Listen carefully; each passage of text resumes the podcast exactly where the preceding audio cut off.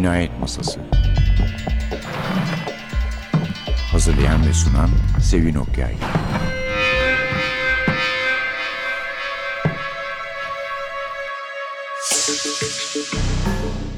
Merhaba. NTV Radyo'nun Cinayet Masası programına hoş geldiniz. Efendim hepinizin çok iyi tanıdığınız bir konuğumuz var.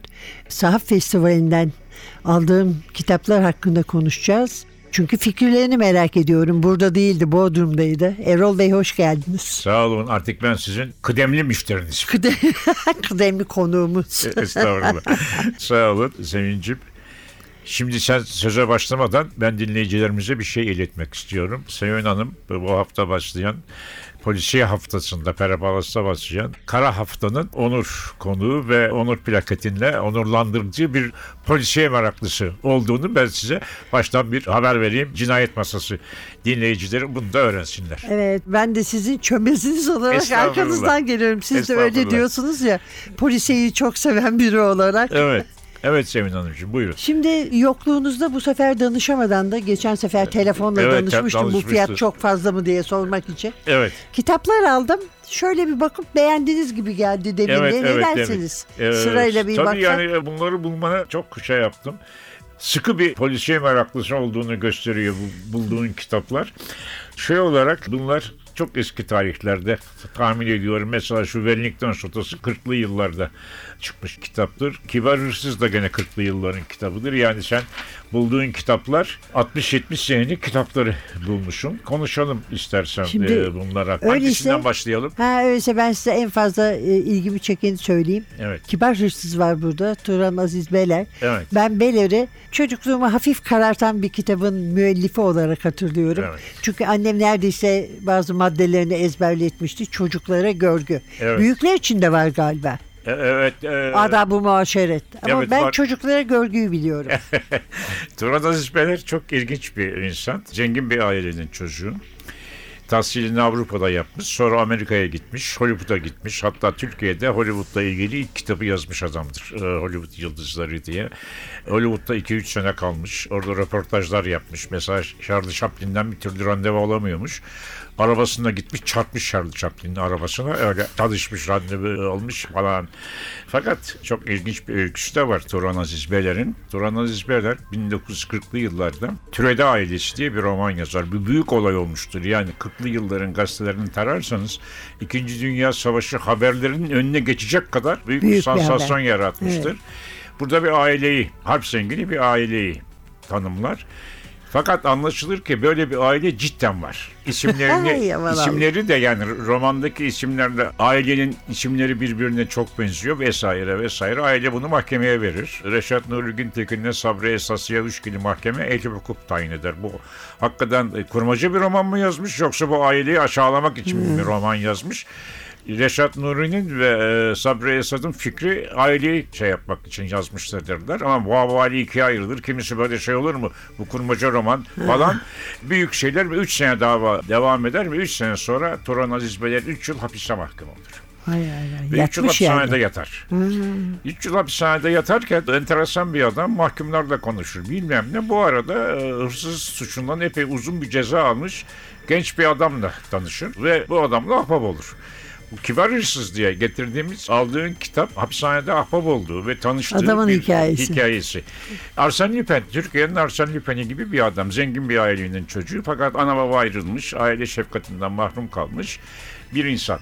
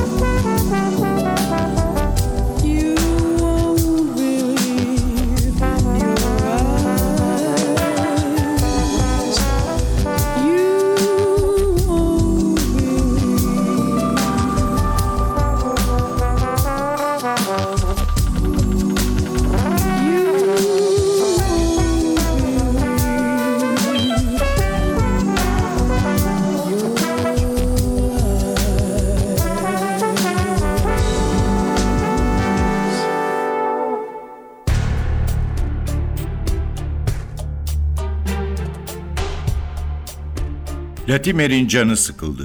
Bütün bu yorgunluklardan sonra hiçbir netice elde edememek ümit kırıcıydı. Memura teşekkür ettikten sonra dönmüş gidiyordu. Birdenbire aklına geldi. Kim bilir tekrar memura döndü. Soyadı dedi. Makropulos olabilir. Latimer memura bu sözleri söylerken arkasındaki kapıdan odaya başka birinin daha girdiğini hissetti. Güneş ziyası arkadan ve meyilli bir şekilde odaya girdiği için uzun bir gölge bir an duvarda kıvrılmıştı. Dimitrios Makropoulos, öyle desenize. Kayıtlarımız arasında bu isimde birisi varsa derhal buluruz. Beni takip edin. Memur Latimer'in omuzları üzerinden bakarak içeri girmiş olan öteki şahsı aradı. Nereye gitti bu adam dedi. Şimdi buradaydı. Tek başıma bütün işleri görmeye çalışırım. Buna mukabil bir dakika beklemeye bile tahammül edemezler. Omuzlarını silkti. Canları isterse. Ben vazifemi yaparım. Lütfen beni takip edin. Latimer memuru takip etti. Taş bir merdivenden zemin katına indiler. Duvarlar sıra sıra çelik dolaplarla kaplıydı. Memur konuşmasına devam etti. Organizasyon modern devlet telakkisinin sırrıdır. Organizasyon sayesinde Yunanistan gelişecek, yeniden büyük bir imparatorluk olacaktır. Fakat sabır şarttır. Köşedeki bir sıra çelik dolaba doğru ilerledi. Dolaplardan birinin gözünü çekerek açtı. Tırnağıyla gözün içinde sıralanmış olan kartları karıştırmaya başladı. Durdu ve Makropulos dedi. Bu adama ait bir kayıt varsa 16 numaralı dolapta bulacağız. Fakat 16 numaralı dolapta hiçbir şey bulamadılar. Memur kollarını havaya kaldırdı. Yeniden aramaya koyuldu. Birdenbire Latimer'e yeni bir ilham geldi. Bir de Talat ismiyle arayalım. Fakat Talat Türk ismi değil mi? Biliyorum ama bir de o isme bakalım. Memur omuzlarını silkti. Tekrar esas endekse baktı. Sinirli bir sesle 27 numaralı dolap dedi. Bu adamın Atina'ya geldiğine emin misiniz? Birçokları Selanik'e gittiler. Şu incir amelesini aramıyorsunuz ya. Latimer hiç sesini çıkarmadı. Sadece kartonları karıştıran memura baktı. Memurun parmakları birdenbire durdu. Latimer heyecanını zapt edemedi. Buldunuz mu? Memur dolaptan bir kart çıkardı. İşte size bir Dimitrios. İncir amelesiymiş. Fakat soyadı Taladis. Bakabilir miyim? Latimer kartı eline aldı. Dimitrios Taladis. Albay Hakkı'nın bilmediği bir şeyi bulmaya muvaffak olmuştu. Dimitrios 1926'dan evvel Talat ismini kullanmamış mıydı? Taladis'in Dimitrios olduğundan şüphe yoktu. Kartı tetkik etti. Burada Albay Hakkı'nın bilmediği başka şeyler daha vardı.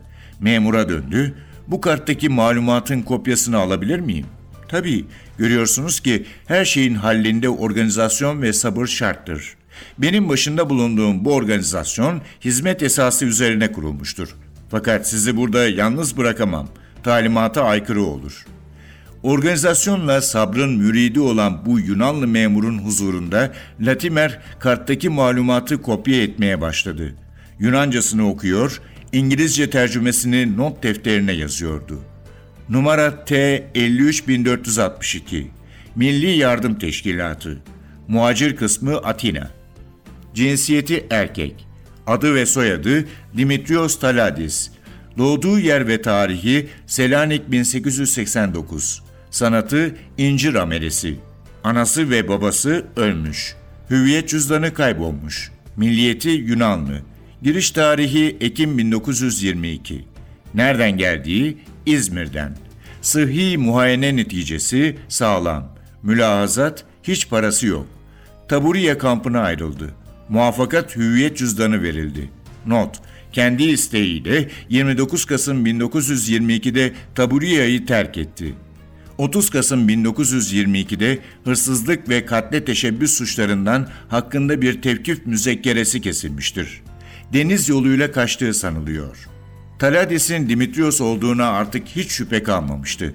Doğum tarihi Yunan polisi tarafından 1922'den evvelki malumata dayanarak Albay Hakkı'ya gönderilen tezkeredekine uyuyordu. Yalnız doğum yeri değişmişti. Türklerdeki dosyaya göre Larissa'da doğmuştu. Acaba neden Dimitrios doğum yerini değiştirmeye lüzum görmüştü? Sahte bir soyadı verdiğine göre doğduğu yeri doğru söylese de söylemese de ne ehemmiyeti vardı?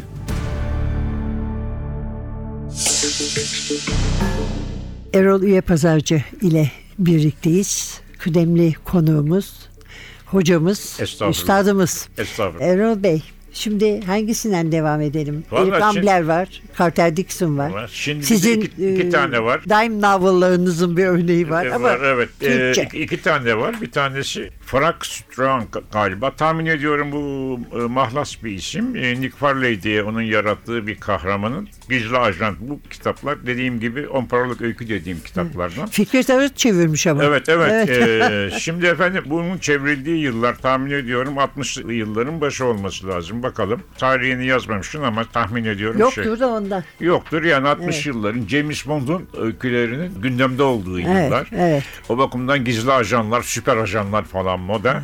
Ve şey de zaten yayın evinin ismi de Gizli Ajan Yayınları. Evet evet çok Yani gizli ajan yayınları bir James Bond taklidi bir gizli ajan bu Nick Farley. Onun bir öyküsü dediğim gibi ama şey zaten resminde görürsen bu üstündeki Ha, o resimde- James Bond ya. James Bond'un e, bir taklidi. Evet. Şey İkincisi- yalnız He. e, herhalde çevirmenin bir edebiyatçı olmasından kaynaklanıyor. Kaynaklı. Türkçesi güzel. Güzel ha. Evet. İkinci e, kitap çok ilginç bir kitap aslında. Wellington Şotası Esrarı. Bu Danish Remzi Korok adında 1940'ların gazetecisi. Bu zat pek çok polisiye öykü yazmıştır. Bu polisiye öyküler arasında denizaltıda bir Alman 2. Dünya Savaşı'nın hızlı yılları denizaltıyla casusluk yapan ve Londra'da kendini İngilizlerin menfaatine çalışır gibi gösteren bir Alman casusunun hikayesini 10 kitaplık bir dizi olarak Öyle mi? yayınlamıştır. Onun dışında bir iki tane daha yerli kahramanları olan polisiye romanları vardır. Burada ilginç bir şeye girmiş Wellington Şatosu'nda. iki tane önemli polisiye figürünü yani Sherlock Holmes ile Nat Pinkerton'un ki hiç alakası yoktur birbirlerine. Aynı romanda birleştirmek için yola çıkmıştır. Roman aslında Wellington Şatosu Esrarı ilk kitapta siz de görmüşsünüz. Nat Pinkerton yok. Ya, Yok evet. Yok evet ikinci kitapta gelecek fakat ikinci kitap yazılmamıştır şeyde olarak kalmıştır. Ben de acaba dedim yazılı da basılmadı Yok mı? yok öyle değil. Wellington Şatosu esrarı şey olarak burada kalmıştır. Ama ilginç bir, naif bir eserdir. Ama ilginç bir eserdir. Ve Danish Remzi Korok ismi unutulmuş gitmiş e, basın emektarlarından biridir. Bu arada popüler romanlarda yazmıştır. Mesela efendim Kürk canavarı diye bir genç kız böyle kürk manto giymek isteyen falan. O yüzden e, kötü yollara düşen e, bir genç kızın hayatını anlatmıştır. Bunlar gazetelerde tefrika falan da edilmiştir. Öyle bir eski bir basın emektarı. ismi unutulmuş gitmiş bir basın emektarının Başka sesi. kim var basından polisiye yazan? Ee, şey Murat mesela. Münir Süleyman Çapanoğlu vardır. O Sherlock Holmes öyküleri yazmıştır. Ee, sahte Sherlock Holmes öyküleri yazmıştır. Yurdatap var. Münir Yurdatap. O herkes de yazmıştır. Mike Hammer de yazmıştır. Sahte Sherlock Holmes'ler yazmıştır. Sahte Arsene Lupin'ler yazmıştır gençliğinde. Ve en sonunda da 60'lı yaşlarında sahte Mike yazmıştır.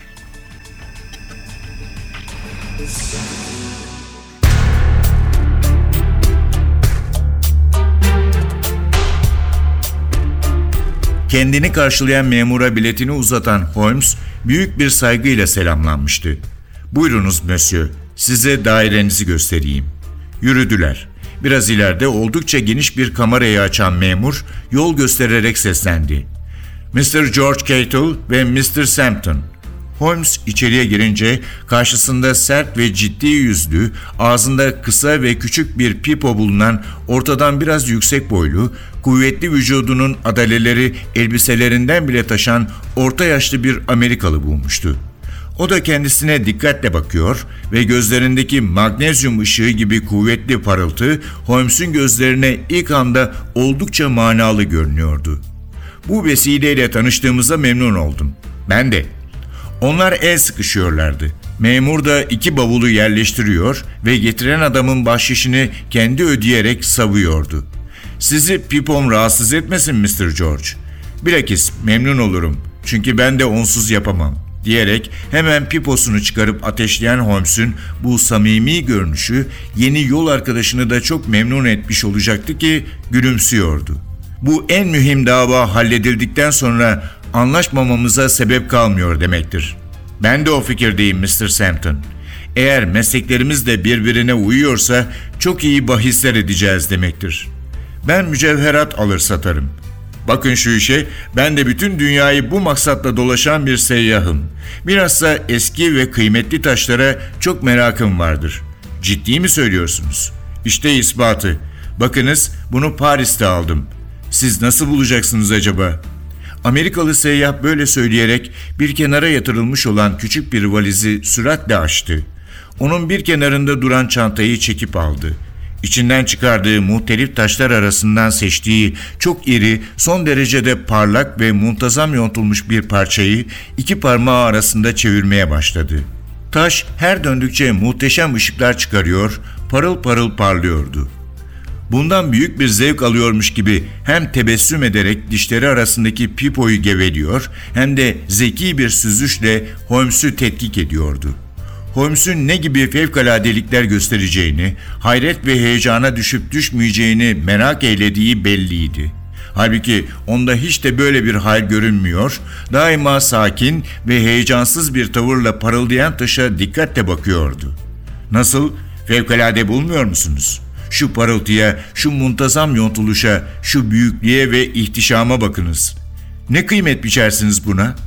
Holmes gözlerini taştan çevirip sanki değerini takdir etmek istiyormuş gibi dalgın bir tavırla kameranın muhtelif köşelerine bakarak düşünüyordu. Amerikalı ise düşünüyorsunuz diyordu. Bu düşüncenize de hak veririm. Sizin gibi bir mücevherat tüccarı her şeyi santimi santimine ölçmelidir tabii. Holmes tam bu esnada Amerikalının açık bıraktığı valize ilişen gözleriyle birdenbire irkili vermişti. Çünkü orada siyah bir çift iskarpin görmüştü. Bunlar her ne kadar bir kağıda sarılmışsa da valizin içinde hayli hırpalandığı için kağıtlar açılmış ve yırtılmış, pabuçların da mühim kısmı meydanda kalmış bulunuyordu. Bunlarsa Holmes'un George'un odasında bulup aldığı sivri ökçeli, ince tabanlı ve iz kalıplarına tamamıyla uygun geldiğini gördüğü siyah iskarpinlerin tamamıyla aynıydı. Hatta kalıp numaraları bile aynı denilecek kadar eşleri bulunuyordu.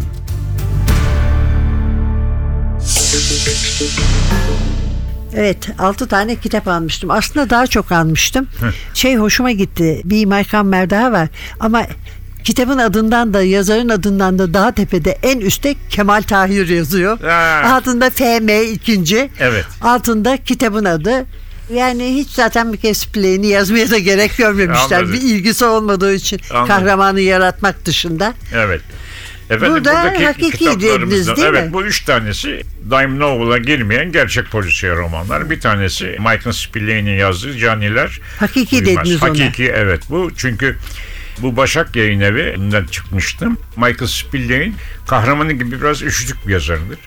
Evvela bir tarikata giriyor 1954 yılında Amerika'da. Bu tarikatta roman yazmak günah. O da roman yazmayı bırakıyor. Halbuki 8 tane falan Mike Hammer yazmış. Çok da güzel paralar kazanmış. Çok güzel, Milyonlarca evet. satmış. Fakat birdenbire o tarikata girince roman yazmayı bırakıyor. Bunun sonucunda da Türkiye'de büyük bir müşterisi var Mike Hammer'in. Oturulup yerli yazarlara şey yapılıyor. Hammer yazdırılıyor. İlk Kemal Tahir bildiğiniz gibi. FM ikinci. Evet, e, Afif Yasari asıl çok yazan. E, Hayalet Oğuz. Evet, Hayalet Oğuz yazıyor. Oğuz Orhan Baran Atyaç'ın yani. yazıyor falan. Evet. Efendim Kemal Tahir'in Mike Hammer'leri bana sorarsanız e, işte 55-60 yıldır polisiye roman okuyorum. Michael Spillane'den açık ara daha iyidir. Onu da söyleyeyim. Afif Yasari 200'e yakın yazmıştır. Bu 62'den sonra yazmaya başlayınca bu furya yani sahte e, yazmak kesiliyor çünkü gerçekleri çıktı diye. Hakikisi Bu- gelmiş. Hakikisi geldi diye. Efendim bu sizin aldığınız 62'den sonra 10 tane Bir daha. Mike Malcolmer macerası yazar Michael Spillane ölünceye kadar. Bu 10 şeyden bir tanesi caniler uyanmaz ve gerçek bir Malcolmer yani şey sahte Malcolmer değil. Evet çevirisi de bir gazeteciye Atlan Semih. Adnan Semih Yazıcıoğlu aynı Evet. zamanda Hür Yayın'ın kurucularından Evet biriydi evet Adnan öyle. Sen, siz tanıyorsunuz Çok sevdiğimiz Semih bir yazı- arkadaşımız, evet. Şimdi yalnız şunu söyleyeyim. Acaba O kendi mi yazdı diye ben Hayır biraz sahte meraklandım. Mayhammerlerin içinde Atlan Semih'in yazdıkları ve Leyla Yazıcıoğlu vardı. O, o kimdi biliyor musunuz? Karısıydı bir dönem. Karısı mı? Evet. Onun ve Adnan Semih Bey'in yazdığı plastik yayınları diye bir yayın evinden Ha, çıkan sahte yazmış. vardır. Sahteydi. Ama bu ona gerçek da, ona da uygundur ama yani Semih'e de uygundur. Evet evet evet. Bunun, e, janrı, ama bu havası. şey söyleyin gerçek Hakiki. hakiki, hakiki e, Mike Hammer. Tabii ikinci aldığınız kitap benim de çok sevdiğim önemli bir yazarın kitabı Carter Dixon. John Ee, Dixon Carr adıyla yani da John, John Dixon. Carr'ın bir mahlas. Evet. Carter Dixon. Carter Dixon değil mi mahlası olan? Mahlas olarak kullanıyor. Ee, John Dixon Carr diye de polisiye romanları var. Şey diye de Akba'dan Carter çok Dixon diye var. E, Akba'dan çok çıkmış ve 50'li 60'lı yıllarda çok tutulan bir yazardır. Amerikalı olmasına rağmen uzun yıllar İngiltere'de yaşamıştır. Ve özellikle polisiye romanı getirdiği bir yenilik vardır. Tarihi polisiye romanlar yazmıştır. Yani Fransız ihtilali döneminde geçmiş tarihi kahramanı Madame Fransız. Tussauds Müzesi gibi bir müzede hatırlıyorum. Kapağında da böyle bravo, korkunç bravo. bir gölge falan vardı. Evet evet Çok yani korkunç. şey ve bunlarda da çok başarılı olmuştur. İki tane bunun kahramanı vardır. Bir tanesi İngiliz Dışişleri Bakanlığı'nda e, üst görevde olan bir zattır. Diğeri de bir üniversite hocasıdır. İkisi de beyinlerindeki gri maddeyi çalıştıran adamlardır. Ama esprili adamlardır ve John Dixon Carr'ın yahut Carter Dixon'ın romanlarında ironi de çok güzeldir. Yani çok kaliteli bir polisiye roman yazarıdır.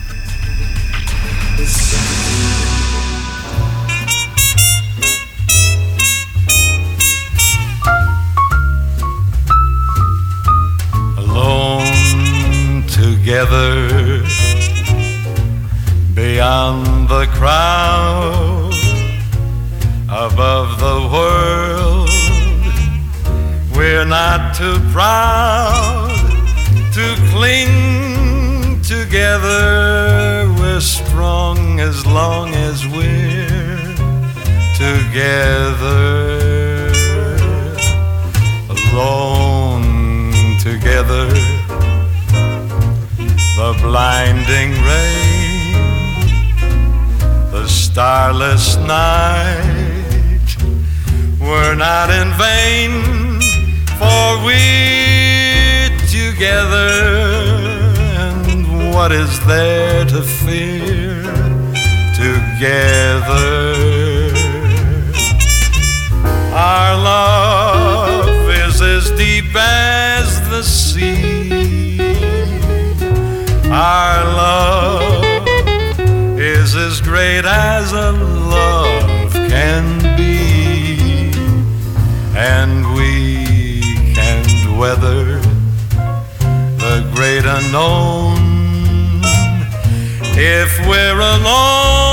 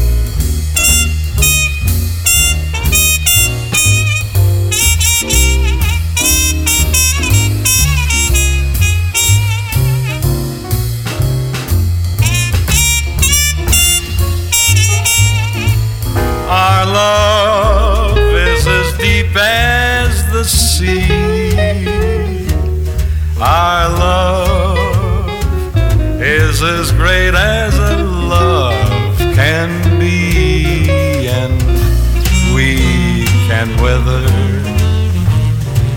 the great unknown. If we're alone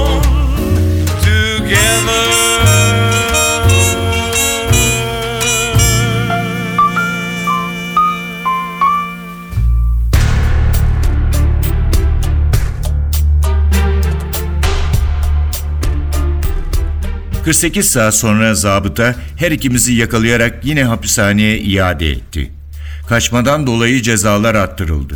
Bu hadisenin mahkemesinden dönerken o gün hayatımın en acı sahnesini yaşadım. Bir Kadıköy vapurunun ikinci sınıf salonunda jandarmaların arasında oturuyordum. Birden karşımda güzel dişliği görmez miyim?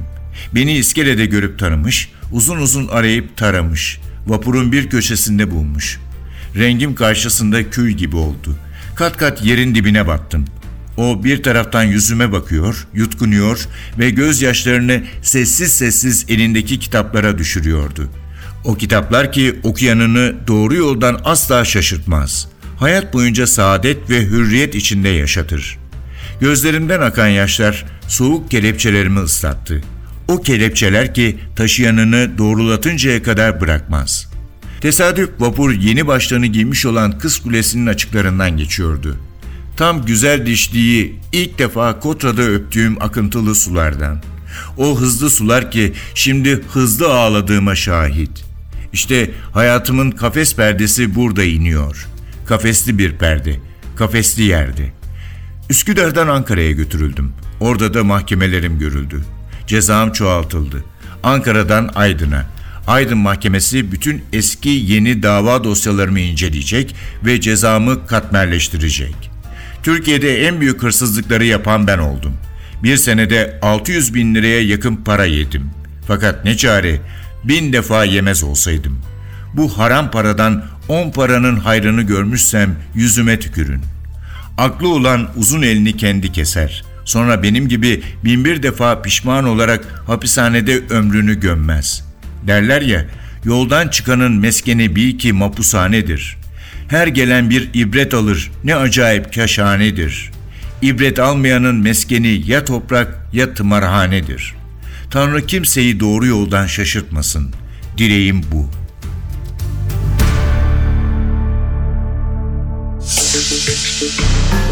Evet yani Carter Dixon şunu söyleyebilir Sevin. Agatha Christie'nin başını çektiği Hudunit diyor ya Amerikalılar. "Ka- Ben Katil Kim romanları diyorum. O romanların bana sorarsanız Agatha Christie'den sonraki en iyi temsilcisidir. Ve tarihi romanları ilk defa polisiyeye sokan adamdır. Sonra mesela Agatha Christie'de ondan şey yaparak e, 4000 yıl evvelki cinayet diye bir tarihi roman yazmıştır hatırlarsanız. Evet. Ve Dorothy bir Sayers yazar. var. Ben onu da çok severim. Ah Dorothy Sayers var da maalesef Türkiye'de Dorothy Evet, hiç Sayers yok, hiç. Bir tane mi ne? Bir tane Bir tane değil çevrildi mi? ve Bir tane. bilinmedi. Pek bilinmeyen yani çok önemli polisiye roman yazarı olup da Türkçe bilinmeyen bazı böyle senin söylediğin isimler gibi isimler var. Gelelim şeye şimdi istersen Eric Ambler'a. Aa, evet. İşte bir yazar daha Aha, sevdiğimiz. Eric Ambler de çok önemli bir yazar. Şimdi ben casus romanları deyince bir numarayı her zaman John Le Carre'ye veriyorum. John Le Carre hakikaten casus romanlarında bir zirvedir. Len Dayton da var. Evet. Fakat şey... O da az çevrilmiş değil mi? Evet evet o da. Fakat John Le Carre evveli casus romanlarında en büyük isimlerden biri. Eric Ambler'dir. Hem casus romanlar hem diğer konularda yazmıştır.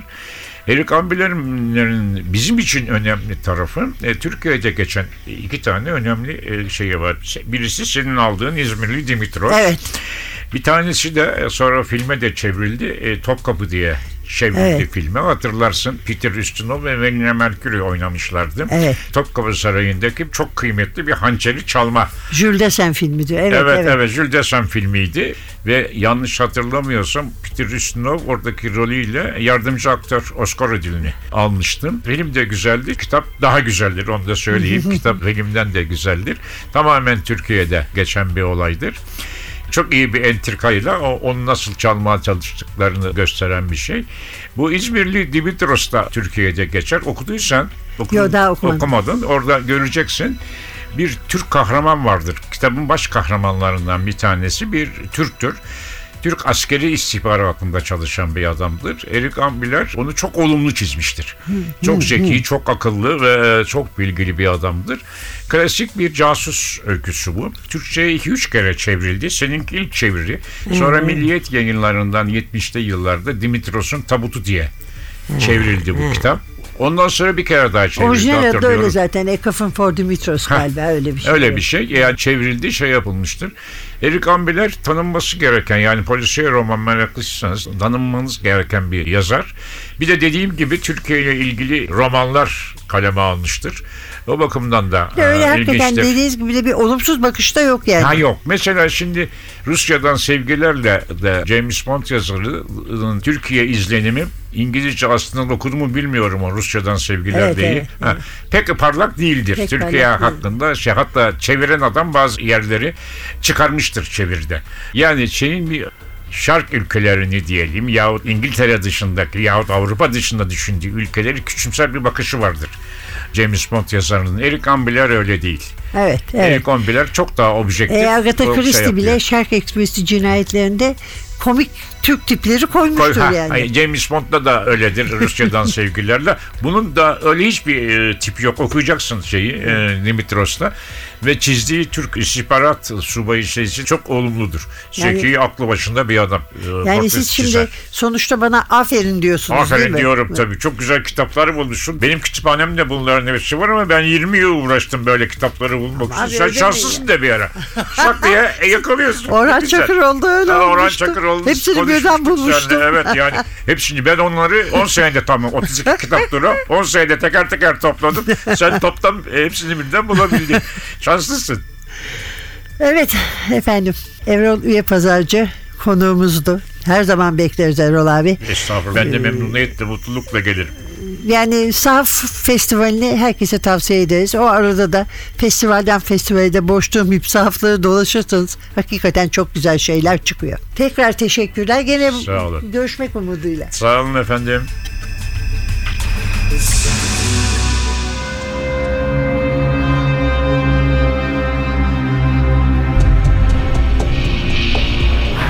Cinayet Masası. Hazırlayan ve sunan Sevin Okyay